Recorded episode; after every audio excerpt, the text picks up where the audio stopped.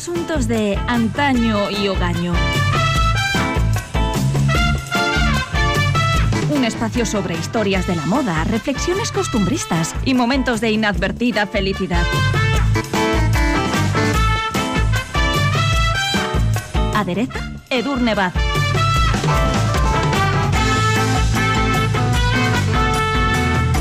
Edurne Baz, ¿qué tal? Hola. Vamos a desempolvar esos asuntos de antaño y hogaño y vamos a hablar de la historia de la correspondencia. Nos preguntamos, ¿cuánto hace que no escribimos una carta?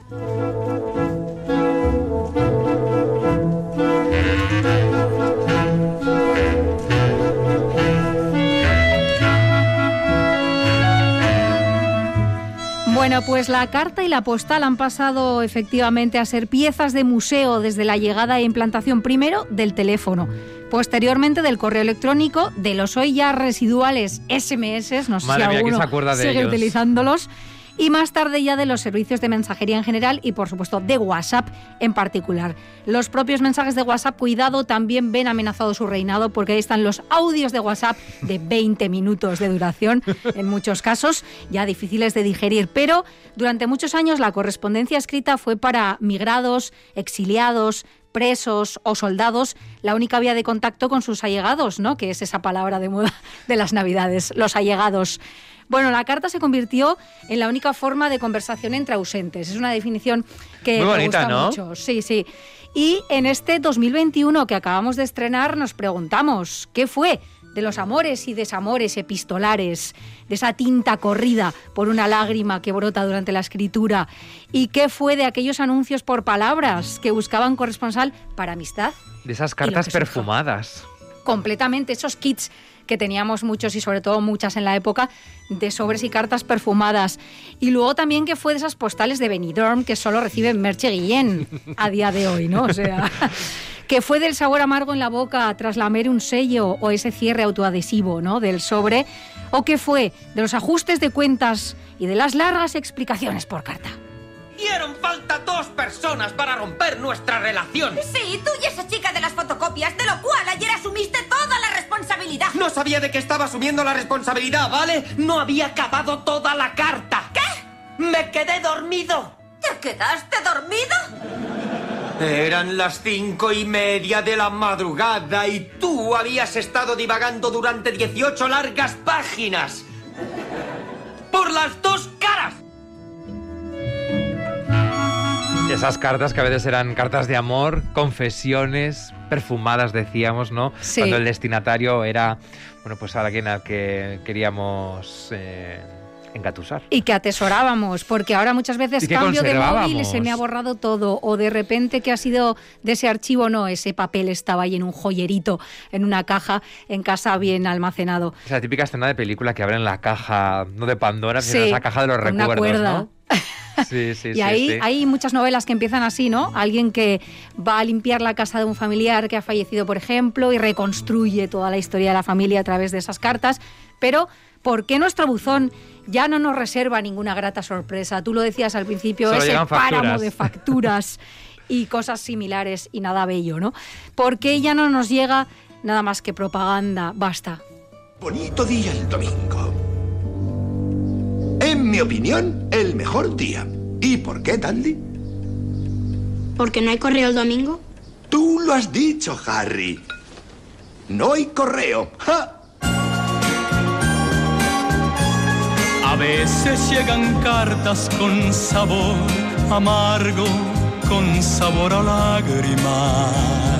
Esas cartas no nos gustaban tanto cuando llegaban No. con sabor a lágrimas. La de la factura de la luz me ha provocado Y un más llanto este mes. ¿no? Con esa subida Sí. del 30%. Vamos a remontarnos a otros momentos de la historia en los que el papel, la pluma, el puño y la letra, el sobre, ese que teníamos que lamer junto con el sello, eran la forma habitual de comunicación a distancia. Mira, el primer documento postal conocido encontrado en Egipto data del año 255 antes de Cristo, pero antes ya existían servicios postales algo más rudimentarios como las primitivas señales de humo y por supuesto los sufridos mensajeros al servicio de reyes y emperadores que no solo recorrían grandes distancias para hacer llegar ese mensaje, sino que muchas veces sufrían en sus carnes las malas reacciones ¿no? de los destinatorios. Por favor, no maten al mensajero, porque encima tenían que ser grandes atletas y si no que se lo digan al legendario legendario y sufrido Filipides, mensajero que en el año 490 a.C. habría recorrido los 40 kilómetros aproximados que separaban Maratón, de ahí el nombre de las carreras, de Atenas para anunciar que los griegos habían vencido a los invasores persas y luego, para mayor gloria épica, murió después del mensaje. Y diciendo esto, expiro, ¿no? Porque ya después de esos kilómetros y ya había corrido previamente, se cuenta, 240 más entre Atenas y Esparta. Y esto es muy duro, la vida del mensajero es así. Has de saber que en Esparta, todo el mundo, incluso el emisario de un rey, es responsable de las palabras que emite. Bien, ¿qué mensaje nos traes? Viene el cartero, yo lo oigo por ahí. Trae un recado para ti o para mí. Ese cartero que a veces llamaba dos veces. Sí. Y confieso que yo tengo un pasado de cartero. Yo durante muchísimos años, bueno, los años que duró eh, los estudios de la, de la carrera, era cartero. Los fines de semana repartía cartas. No conocía Casi este todas- dato de tu biografía. Casi todas eran facturas, eh, certificados, eh, multas en algunas ocasiones, pero durante aproximadamente cuatro o cinco años fui cartero. Y no viste ninguna perfumada ni con unos labios estampados ni nada. ¿no? A veces llegaban ese tipo de cartas y, y cartas. comentario, ¿no? Entre los compañeros. Sí, sí, sí, sí, sí, sí, sí. Mm, Conozco la profesión de cartero. carteros, fundamental. bueno, pues con el tiempo y por suerte para los mensajeros llegaron los relevos o futuras postas. Más tarde, los caballos y diligencias, que tampoco es que cortaran el viento. Y además sufrían asaltos muchas veces. Y luego ya, pues los trenes, los barcos, los aviones posteriormente, todo fue mejorando, bueno, o acelerando por lo menos el proceso, teléfono, telégrafo, fax, correo electrónico, mensajes de texto, videollamadas de este año 2020. Y hay que decir que la historia de la correspondencia tiene episodios curiosos. Por ejemplo, hasta la llegada del sello postal en 1840 y con el perfil de la reina Victoria, por supuesto, el envío lo pagaba el destinatario eh, que estaba esperando esas noticias o que no, pero le llegaban. Y esto hacía que muchos rechazaran la carta. No me interesa. Como lo que me tengan que contrarreembolso, contar. ¿no? Usted cuando llegue pague Claro. por la carta, pero no me interesa. Entonces muchos hacían esto que cantaba Elvis de devolver al remitente, gracias. Return to sender. Return to sender. I gave a letter to the postman.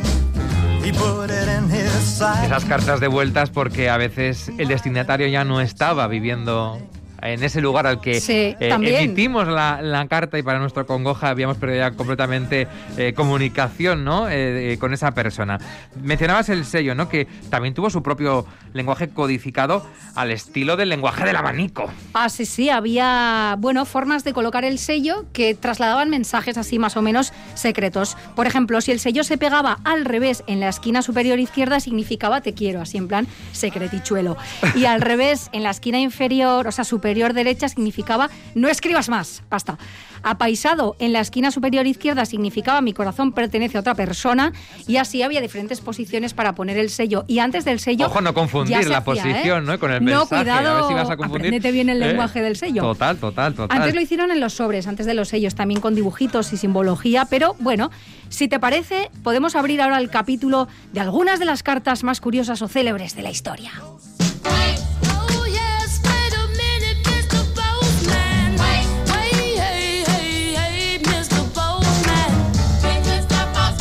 Cartas que entiendo tenían un destinatario eh, con un mensaje privado únicamente Sí. para esa persona que con el tiempo pues han visto la luz, ¿no? Y hemos conocido su contenido. Es verdad, pero esto también históricamente hablando nos ha permitido conocer las salseo, costumbres ¿no? de cada época, aparte por supuesto también.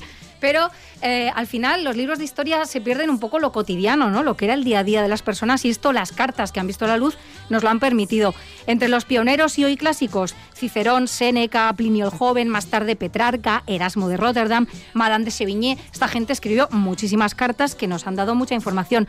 Y luego entre los anónimos, pues por ejemplo, los soldados, ¿no? Que antes decíamos que con las cartas que enviaban a sus seres queridos nos han dado mucha información o menos propagandística al menos sobre la realidad de la vida en el frente.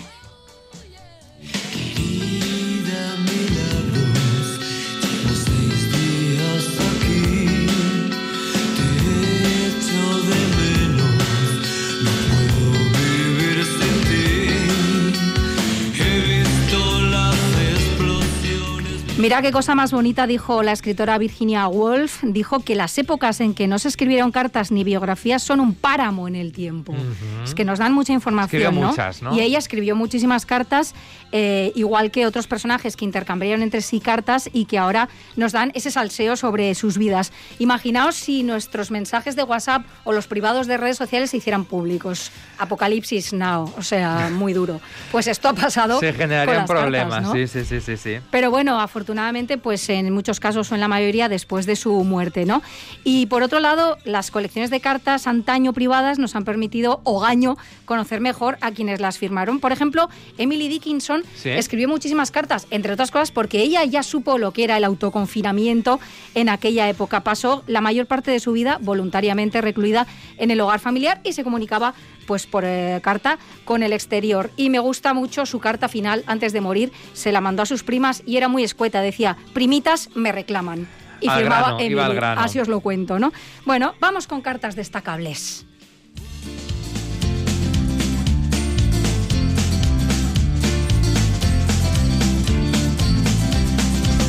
20 de abril del 90.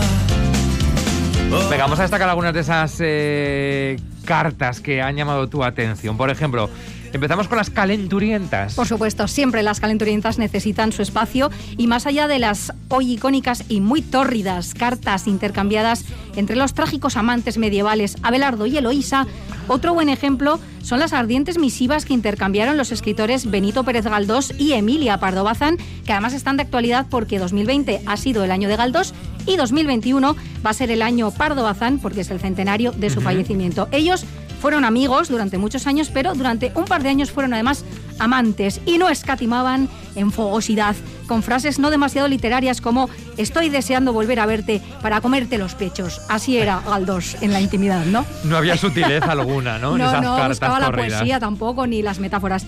Y Emilia respondía maravillas. Por ejemplo, Pánfilo de mi corazón, dos puntos.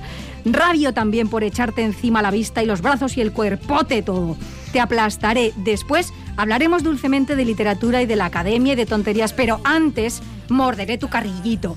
O, por ejemplo, no hemos hecho más que arrimar la manzana a los dientes. Esta es la verdad. No hemos agotado, ni siquiera bebido a boca llena el dulce licorcito que nos podemos escanciar el uno al otro. Uy. O ven a tomar posesión de estos aposentos escultóricos. Aquí está una buitra esperando por su pájaro bobo, por su mochuelo. Pero cómo se las gastaban. estas Madre mía, esas son cartas verídicas que se Sí, intercambiaron, sí, sí. ¿no? Eh, Benito Pérez Galdós y Emilia Pardo Bazán. Cartas calenturientas, aparte de esas que conocíamos, ¿no? De, de los amantes Abelardo y Eloísa, a los que, por cierto, Joaquín Sabina les dedicó una canción, ¿eh? Pájaros de Portugal, traído a- al mundo contemporáneo.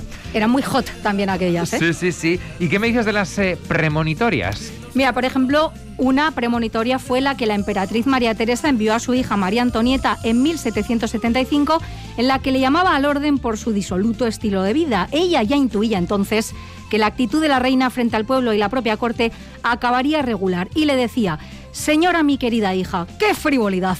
¿Dónde está el corazón bueno y generoso de la archiduquesa Antonieta? Veo solo intriga y deleite en la burla y la persecución, intriga que no le sienta bien a una reina. Tiemblo ante tu fácil éxito y tus aduladores, mientras te vuelcas en una vida de placer y de absurda exposición. Ir de placer en placer sin el rey y sabiendo que a él no le hace ninguna gracia me ha hecho escribirte para expresar mis temores. Espero no sobrevivir a que la desgracia se apodere de ti. Y esto es cierto, porque murió antes de que María Antonieta pues pasara por la guillotina y en la Revolución Francesa. Luis XVI ya no es libre para decidir. Es un rehén de la insurrección. Es la lista de las 286 cabezas que hay que cortar.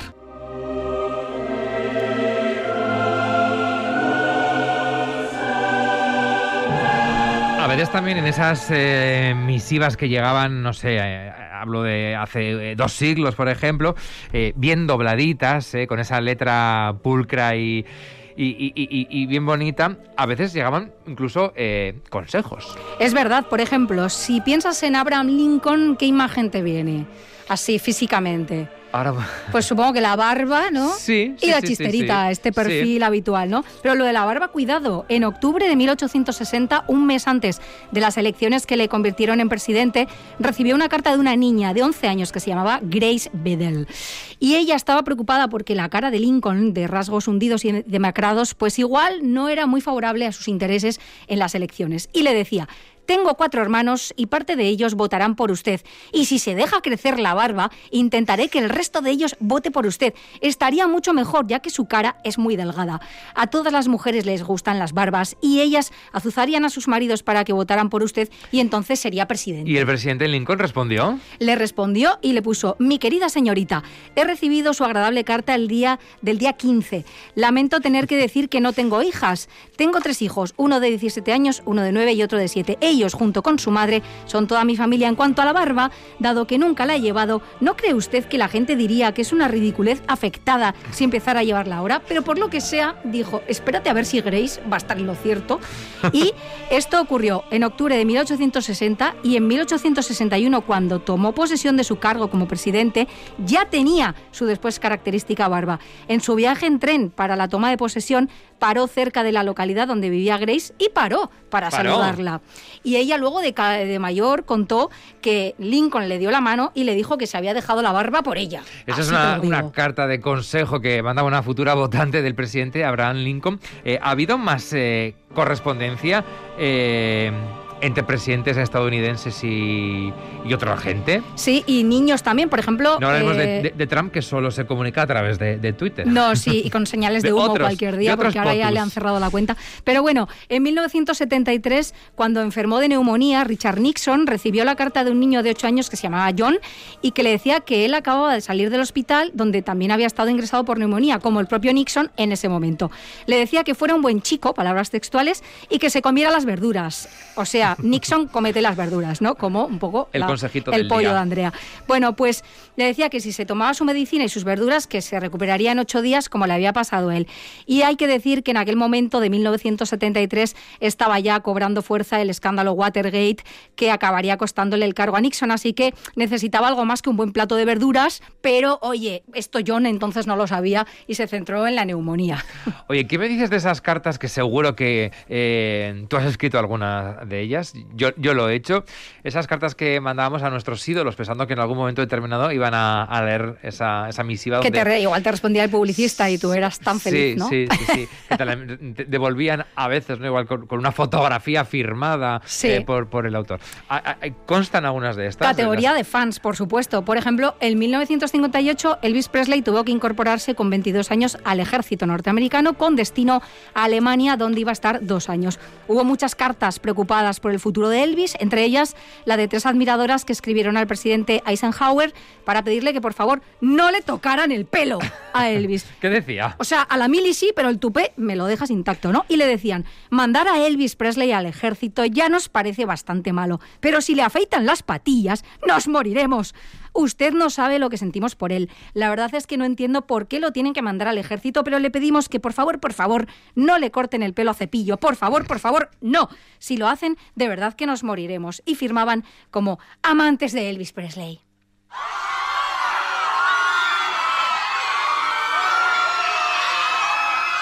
Esas eh, amantes, fans, eh, preocupadas por el tupe de, de Elvis Presley, claro, a ver, era su... eh, bueno, pues... Su ídolo, sí, su ídolo de y pelo, lo más incluso. característico, ¿no? De, de, de Elvis Presley. ¿Alguno anda por ahí suelto todavía, algún Elvis? lo hay. Me queda alguno. Oficiando bodas, incluso. Sí, y los tupés luego pues se van aligerando con los años. Esto es lo que tiene la mili y los años y la alopecia, ¿no? Pero bueno, Me gustan las siguientes categoría de cartas, son las, eh, las cartas fuck you. sí. No sé si es en el sentido literal de la palabra o, o- o- o el su significado de fornicate under king conception. Pues Mira, es esta carta que así entre líneas o de forma explícita te dice que te den, ¿sabes? Y esto ya pasaba en 1864, después de 32 años al servicio de su amo, Jordan Anderson y su mujer Amanda se libraron de una vida de esclavitud cuando los soldados del ejército de la Unión los liberaron de la plantación en la que habían trabajado. Ajá. Se trasladaron a Ohio, donde él consiguió un trabajo e iniciaron una nueva y sobre todo libre vida, ¿no? Pero un año más tarde, poco después del fin de la guerra civil, él recibió una carta de su antiguo amo en la que con gran cuajo le pedía que volviera a trabajar en su plantación y le ayudara a salvar un negocio que pasaba por un mal momento. Bueno, pues Jordan le envió una carta memorable que acabó siendo recogida incluso por los periódicos de la época con una tremenda educación. Rehúsa esta, digamos, oferta del coronel Anderson con líneas fantásticas. Mira, dice, en cuanto a mi libertad, que según usted puedo conservar, no tengo nada que ganar en ese aspecto, pues el capitán preboste del estado de Nashville me proporcionó en 1864 los documentos que certifi- certifican mi libertad. Mandy dice que le daría miedo volver sin alguna prueba de su disposición a darnos un trato bueno y justo y hemos decidido comprobar su sinceridad pidiendo que nos envíe el salario correspondiente al tiempo que estuvimos a su servicio. Esto nos haría olvidar y perdonar cuentas pendientes y confiar en su justicia y amistad en el futuro. Yo lo serví con lealtad 32 años y Mandy 20. A razón de 25 dólares al mes para mí y 2 dólares a la semana para Mandy, la suma ascendería a 11.680 dólares. Añada los intereses correspondientes al tiempo durante el que se nos retuvo el salario y descuente lo que pagó por nuestra ropa, las tres veces que me visitó el médico y el diente que le sacaron a Mandy. Y la cantidad resultante equivaldrá a lo que en justicia nos corresponde. en toda la boca. Así. Madre mía, con esa carta, ¿eh? Hombre, claro, Ah. fantástica. Su destinatario tuvo que quedarse eh, a cuadros cuando le- leyó eh, esa misiva. Eh, vamos a hablar de las eh, cartas que son auténticos ajustes de, de cuentas. Sí, antes escuchábamos. un ejemplo eh, muy, muy- sí. muy concreto. Es verdad. Eh, yo creo que igual la carta de ajuste de cuentas mm, más representativa de la literatura seguramente sea de Profundis, de Oscar Wilde. Y desde la cárcel de Reading, donde pasó dos años condenado a trabajos forzados por ser homosexual, escribió esta durísima y escalofriante carta que repasa su historia de amor tóxico y destructivo con su joven amante, Lord Alfred Douglas, que era un sinvergüenza considerable, dicho sea de paso. Y si tenéis la oportunidad de verla, os recomiendo encarecidamente la adaptación teatral del actor y director vitoriano Iker Ortiz de Zárate, que lo ha puesto en escena muchas veces y es maravilloso. Sí, sí, sí. La verdad es que eh, Iker hace un trabajo excepcional en ese monólogo, ¿no? Representando Sí, esa carta brutal. eh, de, de Oscar Wilde de, de Profundis. Vamos a hablar también de, de otra historia que confiere en este caso a John Lennon y tiene que ver eh, con uno de sus últimos discos, ¿no? Con el Double Fantasy. Sí, el 8 de diciembre de 1980, Mark Chapman abordó a John Lennon en la puerta de su apartamento en Nueva York para que le firmara un ejemplar de ese disco. Y horas más tarde, como sabemos, ese mismo hombre mató a John Lennon de cuatro disparos y se quedó esperando a que llegara la policía. No contento con eso, seis años después, en 1986, escribió desde la cárcel una carta a un experto en coleccionismo para preguntarle por cuánto podría vender, vender él ese disco, Ajá. ¿no? firmado por Lennon, así como él haciendo sus business desde la cárcel y no haciendo examen de conciencia claramente, ¿no? Entonces, el disco no lo tenía él porque en aquel momento lo dejó detrás de la garita del guardia jurado y lo encontró la policía, ¿no? Pero él le cuenta en la carta a este experto que él y sus abogados llevan años intentando recuperar ese disco para poderlo subastar, ¿no? Y también le dice que tiene una autobiografía firmada de Sophie Tucker, que cuánto podría valer esa, que si él tiene alguno de Stephen King o Salinger y cuánto le pediría por ellos. O sea, estaba el hombre allí haciendo como intercambio de coleccionismo después de haber matado a John Lennon, ¿no? Otra de las cartas también, pues, que han pasado a la historia. Estamos desempolvando esas eh, cartas que en un momento fueron privadas únicamente para que las leyera su destinatario y que, bueno, pues con el tiempo eh, han visto la luz y nos sirven, bueno, pues para ilustrar muchos momentos también de la historia. Es como esa que ya que el destripador envió en 1888 al detective de la Scotland Yard, eh, George Luck. Sí, bueno, fue la segunda de las supuestas cartas que escribió, aunque algunos historiadores creen que fue la única que escribió él y que las demás las escribieron imitadores, pero en esta decía, desde el infierno, señor Lask, le adjunto la mitad de un riñón que tomé de una mujer y que he conservado para usted. La otra parte la freí y me la comí, estaba muy rica. Puedo enviarle el cuchillo sangrentado con que se extrajo si espera un poco. Acompañó la carta de una caja que contenía medio riñón humano conservado en vino que, según se determinó después, pertenecería a la cuarta víctima de Jack el Destripador. Así se las gastaba este carnicero que firmó con un atrápeme cuando pueda, señor Lask. Y un poco Seven también, ¿no? Sí, Esto de total, la caja. total. Has mencionado que eh, Virginia Virginia Woolf escribió también muchísimas eh, cartas y una de ellas la de la despedida. Sí, esta es muy célebre, la que escribió a su marido Leonard para despedirse horas antes de llenarse los bolsillos de piedras y hundirse para siempre en el río Ouse. Contenía líneas que hoy son muy célebres. Tú me has dado la mayor felicidad posible. Has sido todo lo que alguien puede ser para otro. Sé que estoy destrozando tu vida y que sin mí podrías trabajar y lo harás. Lo sé. Ni siquiera me expreso debidamente. Lo que quiero decirte es que te debo toda la felicidad de mi vida.